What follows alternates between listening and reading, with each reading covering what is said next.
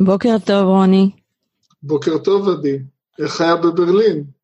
היה מעניין, האמת היא. אמ, לא בטוחה שאני אחזור לעיר הזו, אבל אה, היה נחמד. תמיד כיף להיות בחופש. נכון, גם אני נהניתי בברלין. ההתרשמות אה, הכי גדולה שהייתה לי שם, זה התובנה שיש בחיים אה, התמודדות עם חוסר ודאות. כן, אפשר להגיד את זה ככה, אבל זה עיר עם כל כך הרבה היסטוריה, כן. חלק מההיסטוריה שלנו, ואתה יודע, זה... לפעמים היה קשה לראות דברים מסוימים, ולפעמים היה כיף כזה, זה היה, היה משולב, שנקרא. כן. אבל אה, לא יודעת, לא התרשמתי שהיא כזאת תוססת, כמו שאומרים. התוסס היחיד היה זירו שהזמנתי, פרט לכך. לא ראיתי שהיא תוססת בטירוף. יכול להיות uh, בהשוואה לערים גרמניות uh, אחרות, היא נחשבת לתוססת, uh, קצת שונה, עם הרבה, הרבה מאוד זרים. יכול להיות, אבל כשהייתי במדריד באמת חשתי, ב, אתה יודע, בווייב הזה של הצעירים והכול. פה פחות, אבל בסדר, לא נורא, היה נחמד. עוד ביקרנו בעוד עיר באירופה, עשינו וי, וליעד הבא. אז אתה יודע מה? בוא נקפוץ ליעד הבא שלנו, שזה פרק מספר 13, והיום אנחנו נדבר על uh, מגורי סטודנטים, ואנחנו מיד מתחילים.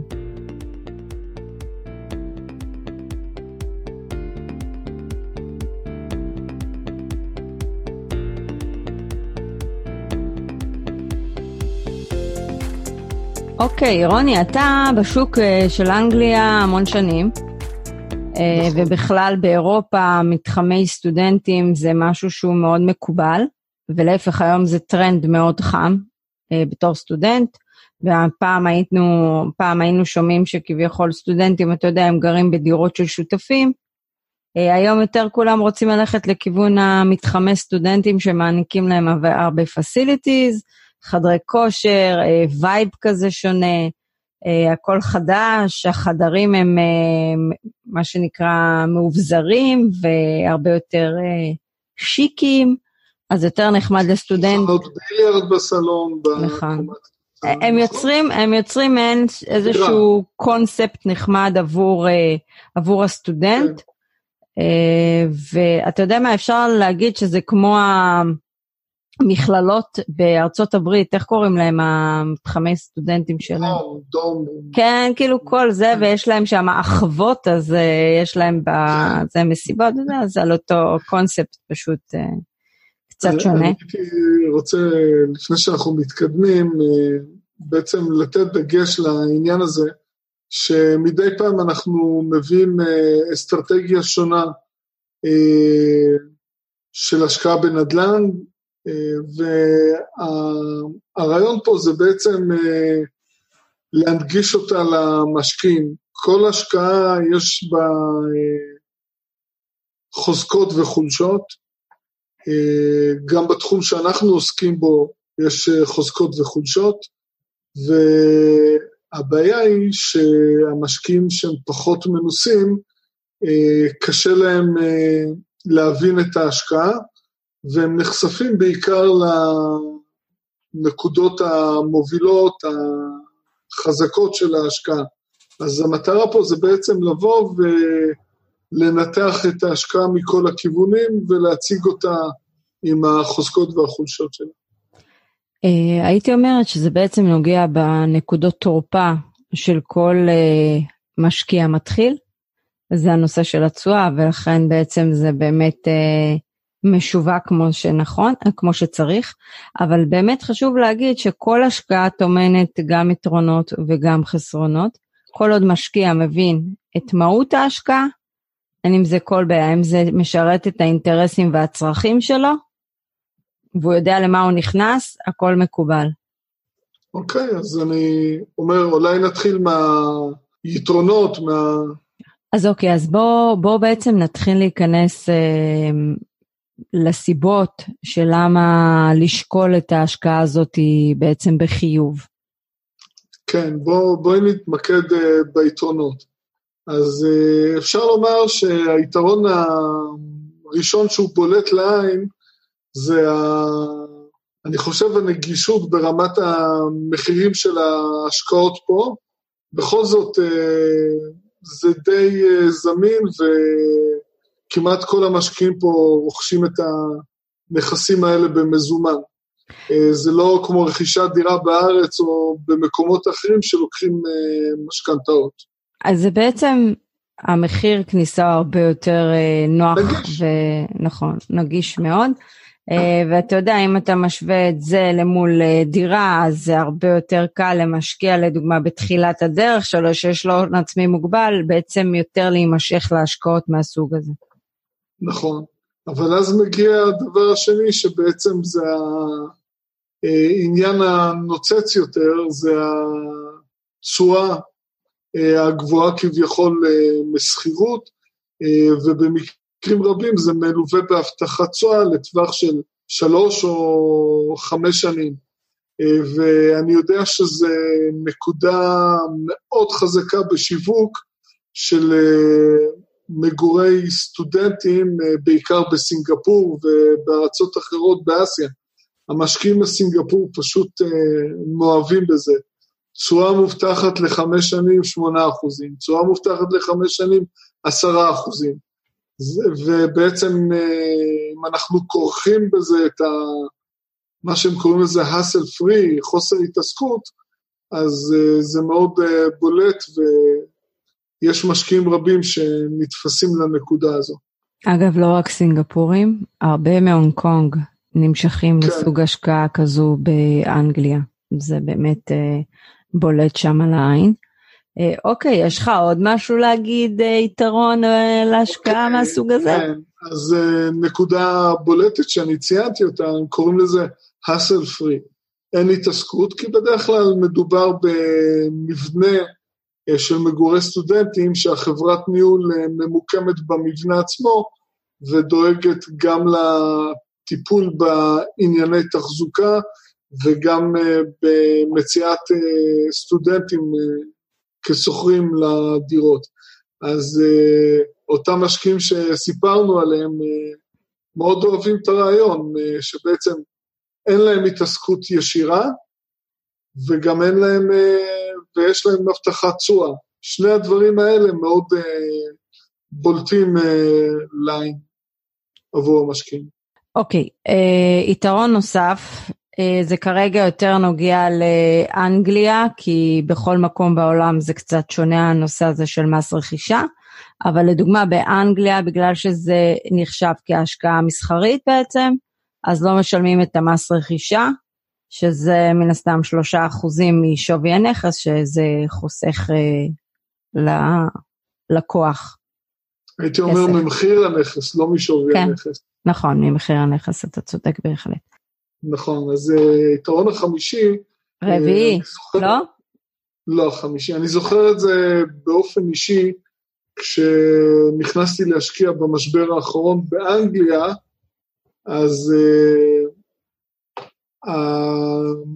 המעונות, המגורים האלה של הסטודנטים, פחות הושפעו מהמשבר uh, מסיבה פשוטה. Uh, הסטודנטים ששכרו את המגורים האלה, ברובם לקחו אה, הלוואה שמממנת להם את כל העלויות של השכר לימוד ועלויות מחיה לאותם שנים של התואר.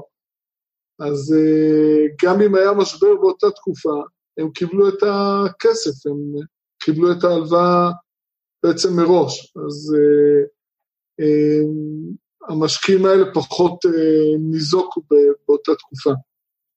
נכון, זה באמת נכון. אוקיי, אה, יתרון, בוא נגיד אחרון, אבל כבר דיברנו עליו אה, בתחילת השיחה, זה בעצם העניין שזה סוג של facilities ויש הרבה אה, אבזור בדירה, בבניין עצמו, וזה בעצם מאוד מושך את השוכרים דווקא לבוא וכן אה, להשכיר את, ה, את הנכס הספציפי הזה במתחם הזה, מאשר אה, ללכת אה, לדירות שותפים. אין ספק שיש שם וייב אה, שהוא מתאים לפנטזיה של אה, סטודנטים, אז...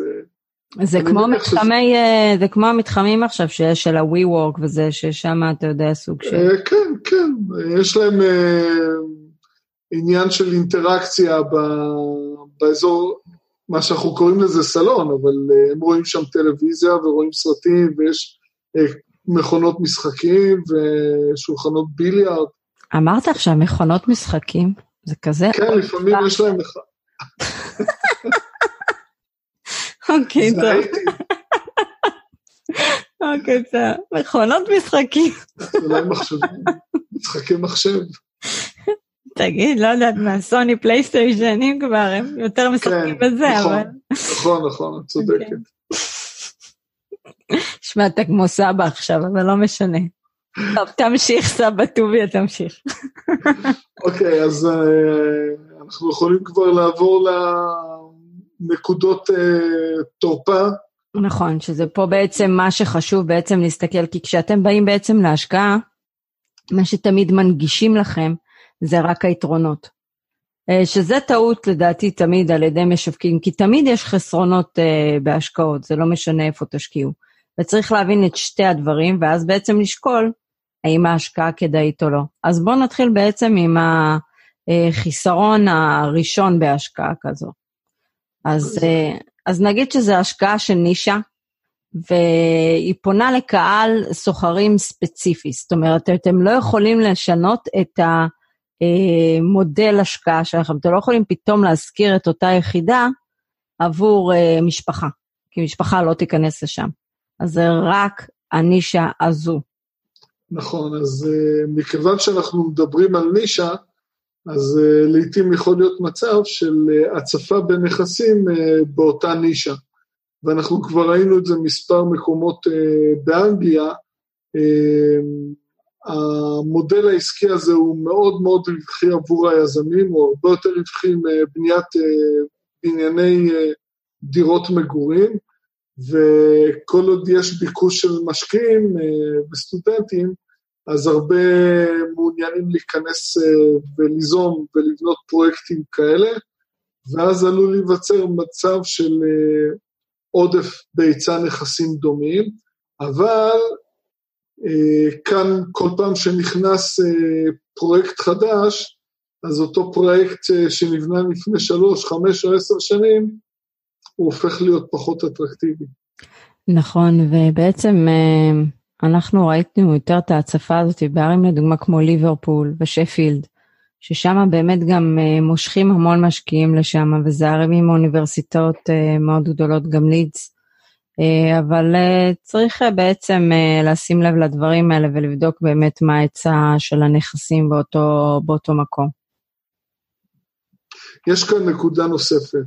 מלבד לבנייה מיוחדת שנקראת Student Accommodation, יש דירות בכל עיר גדולה בקרבה ובנגישות לאוניברסיטאות, דירות שסטודנטים משכירים אותן, אה, כאלה שמעדיפים פרטיות, אה, פחות אה, התחככות עם הרבה סטודנטים. יש בתים פרטיים שעוברים הסבה ומושכרים ברמה של חדר-חדר לסטודנטים, לעתים הם מייצרים מאותו בית בין ארבעה לעשרה חדרים, אז יש פה פחות facilities כמו בבנייה המיוחדת לסטודנטים, אבל מצד שני יש פה פחות אה, סטודנטים, זה פחות המוני, אבל יותר מכל, העלויות החודשיות של השכרה חדר בבית פרטי, הם לפעמים חצי מהעלות של אה, השכרת חדר ב-student accommodation. בוא ניתן דוגמה, אוקיי? דוגמה קטנה. אז, אז מה אה. שאני לפני הדוגמה, אני רוצה להגיד שה-student accommodation זה נגיש לאוכלוסייה מסוימת. Okay. זאת אומרת, לא כולם יכולים לבוא ולשלם את הסכומים האלה. אוקיי, בוא ניתן דוגמה קטנה. יש לנו איזשהו פרויקט ככה שבאמת ליווינו לקוחות שהיה קרוב לאוניברסיטה, אבל זה לא המהות שלו, זאת אומרת, זה קהל יעד מגוון, בין היתר גם סטודנטים. ול... נכון. לא רחוק ממנו יש בעצם עוד איזשהו מתחם של סטודנטים, ששם, לדוגמה, דירות שנמכרו, אז השוכר אמור לשלם על חדר, שזה 900, אה, אה, סליחה, שזה 19 מטר מרובע, אמור לשלם 750 פאונד, ועוד בדירות האחרות שבעצם הם קרוב ל-90 מטר, הוא אמור לשלם חצי, זאת אומרת חצי מ-750 על חדר אחד. או שאם הוא מחליט בעצם להשכיר את כל הדירה, אז הוא מקבל בעצם 900 סקוויר פוט ולא 19 מטר רבוע. נכון, אז ב-19 מטר רבוע יש שם אה, מטבחון קטן, אבל uh, המקלחת או השירותים הם uh, מחוץ לחדר, הם משותפים. בדירה שלה, שהיא קרובה ל-90 מטר מרובע, לכל חדר שינה, זה שני חדרי שינה, לכל חדר שינה יש אמבטיה ושירותים, ויש להם גם מקום חנייה אחת, אם הם משתמשים ברכב. אוקיי. Okay. אז uh, זה מבחינת הסטודנטים יותר uh, נגיש ברמת השכירות החודשית. אוקיי, okay, סבבה. בוא נעבור לנקודה הבאה, חיסרון נוסף בעצם, uh, דיברת על זה שזה, יש עלייה די גדולה של משקיעים מאזור של סינגפור, הונג קונג, שבאמת הם קונים המון נכסים מהסוג הזה, ו...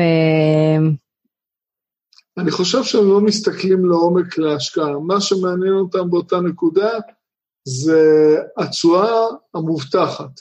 זה כרגע מה שמעניין אותם. Mm-hmm. אבל הם לא מבינים מדוע התשואה מובטחת.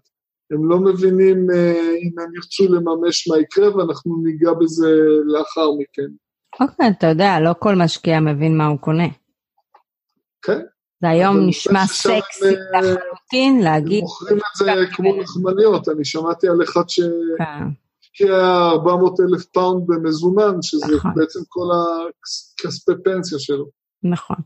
כן, בסדר, אבל היום זה הדבר להשקיע בנדל"ן ולהגיד השקעתי בנדל"ן, אבל אף אחד לא יודע בעצם מה מסתתר מאחורי ההשקעה הספציפית שאדם קונה, אבל בסדר, אתה יודע, זה נהיה כבר טרנד. אוקיי, בסדר. בוא, בוא נעבור ל... בעצם לחיסרון הבא, שזה בעצם מבטיחים לנו איזשהו סוג של תשואה. עכשיו, מה מסתתר מאחורי התשואה הזאת זה מן הסתם רמת סיכון מסוימת, אבל אנחנו יותר נתמקד כרגע ב... אתם משלמים מחיר מסוים על הנכס, ובעצם מי שבסופו של דבר, איך הם יכולים להבטיח את התשואה הזאת? מישהו משלם את זה. זה המשקיע. בדיוק, המשקיע בעצם אה, משלם איזשהו, מה שנקרא, מקדמה די שמנה בשביל ההבטחת תשואה הזו. המשקיע משלם הבטחת תשואה עבור עצמו בזכות מחיר רכישה מופרז למטר מרובע. נכון. חישוב מתמטי פשוט. נכון, ואתה יודע מה, אם כבר עסקנו בזה, אז בואו נדבר רגע על uh, המחיר. ואני אתן דוגמה הפעם דווקא מישראל, אנחנו דיברנו על זה בפרק של הבועת אה, נדל"ן, מי שלא ראה את הפרק של בועת נדל"ן, תספרו עד שלוש, ובמסך אה, עצמו יופיע אייקון של איי, אתם יכולים ללחוץ ולהיכנס לסרטון. אה, בעצם דיברנו שם על קונספט של מגורים שהוא גם מגורי סטודנטים, שזה לראשונה בישראל, וזה דווקא ממוקם בקריית שמונה ליד מכללת תל חי. Uh, ובעצם אני אגע ספציפית במה מציעים, בטח יש, יש שם את כל הפסיליטיז, בריכה, חדר כושר, הכל מהכל, זאת אומרת, למי שהוא סטודנט, אחלה. עכשיו בואו נסתכל על זה מנקודת מבט שמשקיע, שדירת סטודיו של 21 מטר מוצגת בעצם ב-485 אלף שקל, שזה יוצא מחיר למטר 23 אלף שקל. דירה של סטודיו עם מרפסת מוצגת ב-535, מחיר למטר 20 אלף שקל. דירה לשתי שותפים, עכשיו אין לי מושג מה זה אומר שתי שותפים, זה שתי חדרים, זה, זה מה בדיוק, לא מובן. אוקיי, דירה לשתי שותפים, 33 מטר, בעצם מוצגת ב-585, מחיר למטר 17,700. ודירה לשתי שותפים עם מרפסת, 630, מחיר למטר 15,750. עכשיו, אני הסתכלתי מן הסתם על הצד השני. בואו ניקח בעצם דירה שהיא יחסית קרובה למכללת תל חי, דירה של שלושה חדרים, ששני סטודנטים יכולים להשכיר אותה, 80 מטר רבוע, אוקיי, גם משפחה יכולה להשכיר אותה. היא מוצעת ב-580 אלף שקל, אפשר להשכיר אותה ב-2,800, מחיר למטר 7,250 שקלים. ופה בעצם... רעיון. כן, מה הרעיון שלך? זה שלושה חדרים, הם יכולים לעשות סאבלט בסלון. תכלס. נעשה, נעשה הסבה ל-HMO בישראל. אוקיי, אבל אתם רואים בעצם את הפער במחיר למטר אה, מרובע כמעט פי שלוש מדירה רגילה. אז, אז איפה ההיגיון הכלכלי לקנות את המחיר הזה? כי בואו בוא נשים את הדברים על השולחן. עליית ערך במגורי סטודנטים לא תהיה משמעותית. ברור. אז בעצם את ההבטחת אה, תשואה של היזם אה, מממן המשקיע עצמו באמצעות רכישה במחיר מופרז למטר מרובע של אה, בנייה, אבל הוא מרוצה, הוא מסתכל שבסך הכל הוא שילם מחיר נמוך, ומה התשואה שמבטיחים לו על אותו סכום שהוא השקיע. נכון. זה מה שהוא רואה באותו רגע. נכון, אבל זה רק היה בעצם הסבר איך להשוות את המגורי סטודנטים לדירה רגילה שהם ממש בסמיכות למכללה, וזה לא משנה איפה זה נמצא בעולם, אוקיי? זה על אותם עקרונות עובד. ולראות את ההבדל בעצם למטר מרובע, שזה מה שחשוב, שאגב המחירים האלה 15, 23 אלף, זה מחירים של אזור המרכז. נכון. תראי, לא מוכרים פה נכס, מוכרים פה תשואה. אוקיי, תשואה וקונספט. כן. אוקיי, נכון. אוקיי, אני מסכימה לחלוטין. אוקיי, בואו נעבור בעצם לחיסרון הבא שלנו, דיברנו על ההבטחה בתשואה. אז בעצם ההבטחה בתשואה גם היא תלויה, ודיברנו על זה גם בפרק של הדיור מוגן, אה, היא תלויה בחוזק הפיננסי של היזם עצמו, מי שמבטיח לנו את ההבטחת תשואה הזו. הרי בעצם יש פה חוזה שנכתב והתחייבות, וגם אם אותו יזם מתנהל לפני כן בסדר, אז הכל טוב ויפה, זה חשוב מאוד. אה, זה נותן איזשהו אה, ביטחון נוסף, אבל אה, היזם הוא, כשמו כן הוא, הוא יזם. הוא פועל בעסקאות יזמיות עם מינוף,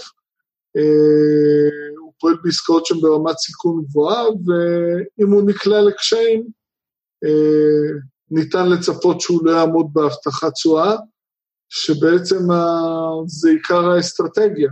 נכון. כי ללא הבטחת תשואה, אני מניח שהתשואה האמיתית אה, משכירות תהיה נמוכה יותר. נכון. אוקיי, בואו נעבור לחיסרון הבא, והחיסרון הבא הוא מאוד משמעותי אה, עבור סוג מסוים של משקיעים, וזה בעצם קושי במכירה עתידית, במימוש הנכס.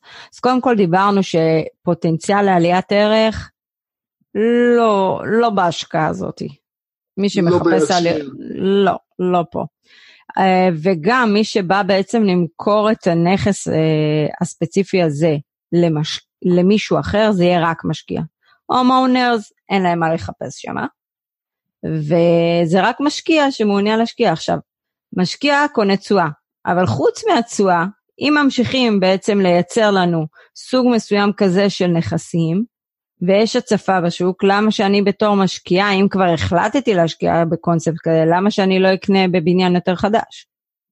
נכון, אז אני רוצה להוסיף לנקודה הזו, אה, בעצם אה, כשמשקיע בא וקונה, אז הוא יעדיף תמיד אה, נכס חדש מהניילון, שהוא מכיל את כל הפסיליטיז האופנתיים האחרונים. גם בשנים הראשונות העלויות של התיקונים יהיו עלויות נמוכות יותר מן הסתם, והוא גם נהנה מהבטחת תשואה. מבטיחים לו תשעה או עשרה אחוזים למשך חמש שנים. עכשיו, חלפו עשר שנים. כאשר הוא מוציא את הדירה למכירה לשוק, הוא ימכור את זה למשקיע. יבוא משקיע, יגיד לו, משקיע שרוצה לקנות, יגיד לו, אוקיי, בוא תראה לי את הסטייטמנטים שלך. אז uh, כעבור עשר שנים, uh, ההוצאות ההחזקה החודשיות והשנתיות יהיו הוצאות גבוהות יותר, התשואה משכירות מן הסתם תהיה נמוכה יותר, uh, וזה יבוא לידי ביטוי במחיר הנכס, אם הוא יצליח למכור. אני חושב שמשקיע, רוב, בעצם הייתי אומר, רוב המשקיעים, או כל המשקיעים שנכנסים לנישה הזו, הם לא נחשבים למשקיעים מקצועיים. אה, אני מאמין שהם יעדיפו אה, את הנכס החדש עם הבטחת תשואה. נכון, אני מסכימה איתך לגמרי. אוקיי, חיסרון נוסף שיש לנו כאן, וזה חיסרון אה, משמעותי למשקיע, זה אי יכולת בעצם למשכן את הנכס. הבנק בעצם באותם ערים, רוב הבנקים, אנחנו לא יכולים עכשיו להכליל על כולם, כן? אבל בדרך כלל לא ייתן משכון לסוג השקעה כזו. אז צריך לקחת את זה בחשבון, אז בעצם יש פה עוד הפעם נוצר הנקודה הזאת של אם אני משקיע, ונניח אני משקיע שרוצה לקחת מימון, אני לא יכול להיכנס לסוג השקעה כזו. אז אני הייתי רוצה קצת לפרט, מדוע הם לא ייתנו מימון הבנק. קודם כל, לא מדובר פה ברוב המקרים, אוקיי, אני לא רוצה לעשות הכללה. ברוב המקרים לא מדובר בדירת מגורים, מדובר בחדר מגורים. והקומפקס כולו של ה-student accommodation אה, הוא רשום אה, בטאבו, יש את הבעלים של האדמה, והבעלי חדרים הם רשומים אה, בהערת אזהרה כבעלי עניין וזכויות בקומפלקס כולו. אז mm-hmm. אם בנק אה, נותן משכנתה, איך הוא יכול אה, במידת הצורך אה, לקחת את אותה יחידה, להשתלט עליה ולמכור. זה די בעייתי פה, ולכן הם ברוב המקרים לא נותנים מימון לסוג השקעה כזה. אז אנחנו נוגעים פה בנקודה מאוד חשובה. הרי הקור של ההשקעות נדל"ן זה המימון. להגיע לתשואה נטו של 7, 8, 9 אחוזים בלי מימון, זה נחמד, אבל uh, אני יכול uh, לקחת השקעה עם תשואה נמוכה יותר, סולידית יותר, עם פוטנציאל לעליית ערך שאני יכול לממש אותה, ולקנות את הנכס הזה עם מימון, ולהגיע לתשואות uh, די גבוהות על ההון העצמי משכירות ועליית ערך. עכשיו, אוקיי, נקודה, עכשיו, נקודה נוספת שהיא uh, חשובה, והיא, אפשר להגיד, יכולה להיות נקודת תורפה מאוד גדולה בהשקעה הזאת, זה החברת ניהול של הקומפלקס. היא יושבת בתוך הקומפלקס לרוב, או ליד, אבל לרוב בתוך הקומפלקס, והיא חברת הניהול שאחראית בעצם, uh, מה שנקרא, לתווך ביניכם לבין המשקיע. אתם לא יכולים לבחור את חברת הניהול. היזם בוחר אותה לכל הפרויקט. לרוב, אה, דמי הניהול יהיו 20 אחוז, אנחנו כבר שמענו על יותר, גם שמענו 24 אחוז, וצריך לקחת את זה בחשבון. יהיה מאוד מאוד מאוד מאוד קשה להחליף את חברת ניהול, נראה לי שכמעט בלתי אפשרי, במידה והיא מפשלת ויש בעיה איתה. זו חברה שפשוט אה, מייצגת את הבעלים של האדמה, את הבעלים של הקומפלקס, אה, ולעיתים אה, זה יכול לקחת מספר שנים על ידי פנייה לערכאה משפטית, זה נקרא באנגליה טריבונל, שמגשר ופותר מחלוקות כאלו, אבל אני עברתי פעם תהליך כזה בבניין מגורים, בסופו של דבר הצלחנו להחליף, אבל זה באמת אה, לקח מספר שנים. נכון, אוקיי. אה, אז בעצם דיברנו גם על החברת ניהול, שיש לנו את התלות המוחלטת בה, ואנחנו די תלויים בגחמות שלהם. דבר נוסף, זה עלויות תחזוקה שיש לנכס כזה, סוג דווקא השקעה כזו. צעירים לא בדיוק שומרים על הנכס וזה פחות חשוב להם מאשר אה, משפחה שרואה בנכס כבית שלהם. אז על עלויות תחזוקה יותר גבוהות בהרבה מאשר השכרה רגילה וצריך לקחת את זה בחשבון. עכשיו הדברים האלה לא באים בחשבון ב-7% מובטח. זה משהו שאתם צריכים לקחת בחשבון. נכון מאוד, אה, ולפני שהתחלנו את השידור פה, את אה, סיפרת לי שמצאת איזשהו מקור מידע. לא, שמעתי ש... פודקאסט אתמול, כי אוקיי. כשאנחנו מתחילים בעצם לעשות איזשהו פרק, אז שנינו מתכוננים לפרק הזה, אז אני שומעת הרבה נכון. פודקאסטים. אז אוקיי, שמעתי פודקאסט של מישהו מאוסטרליה, והוא אמר ש... אה, סטודנטים הם מפרישים וייקנסי של 13 אחוז.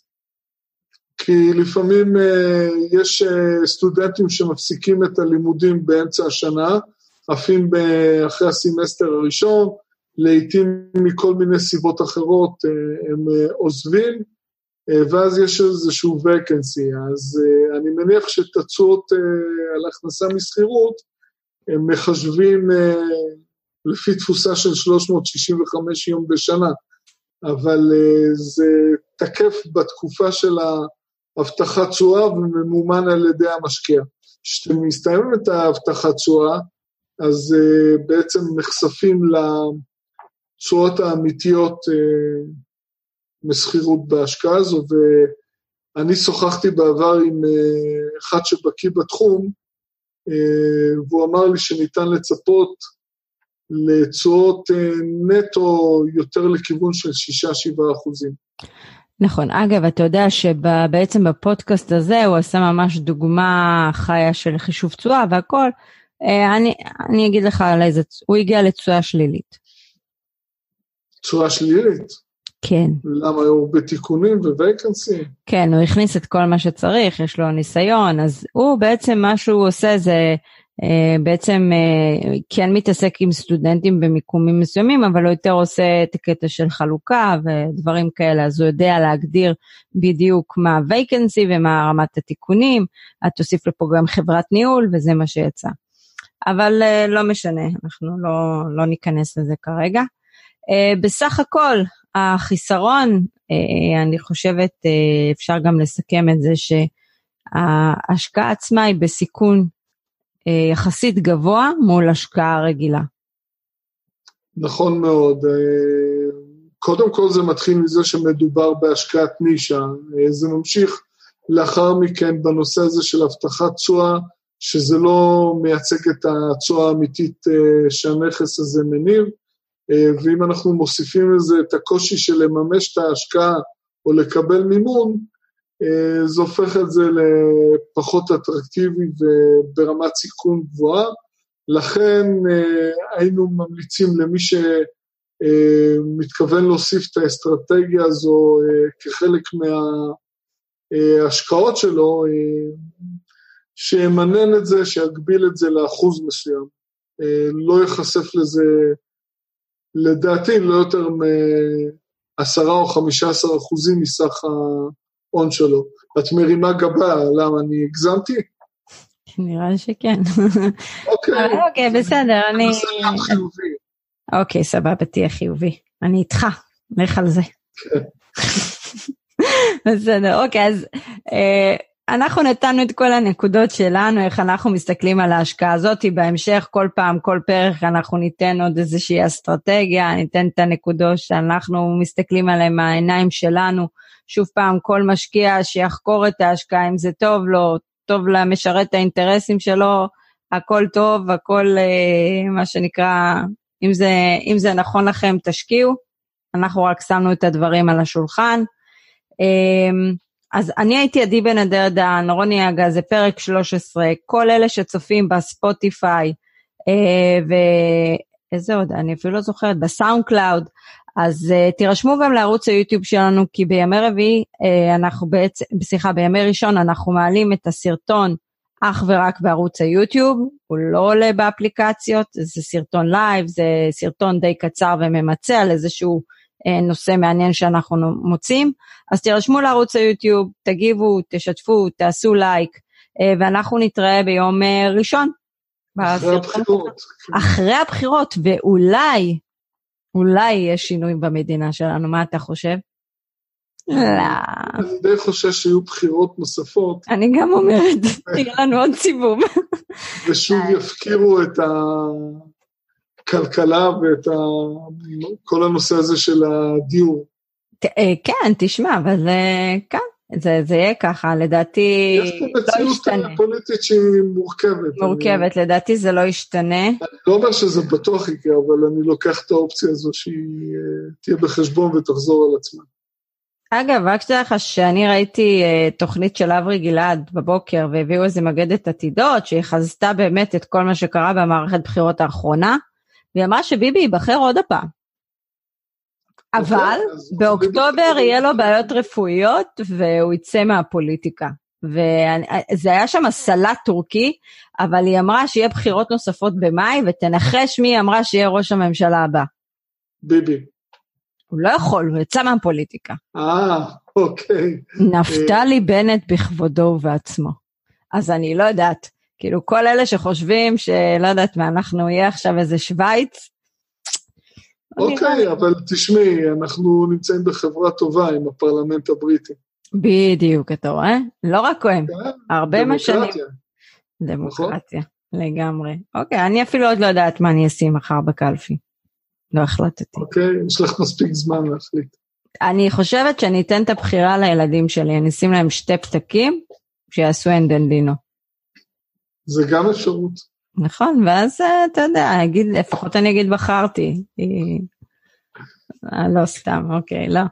אני אלך, אני אבחר.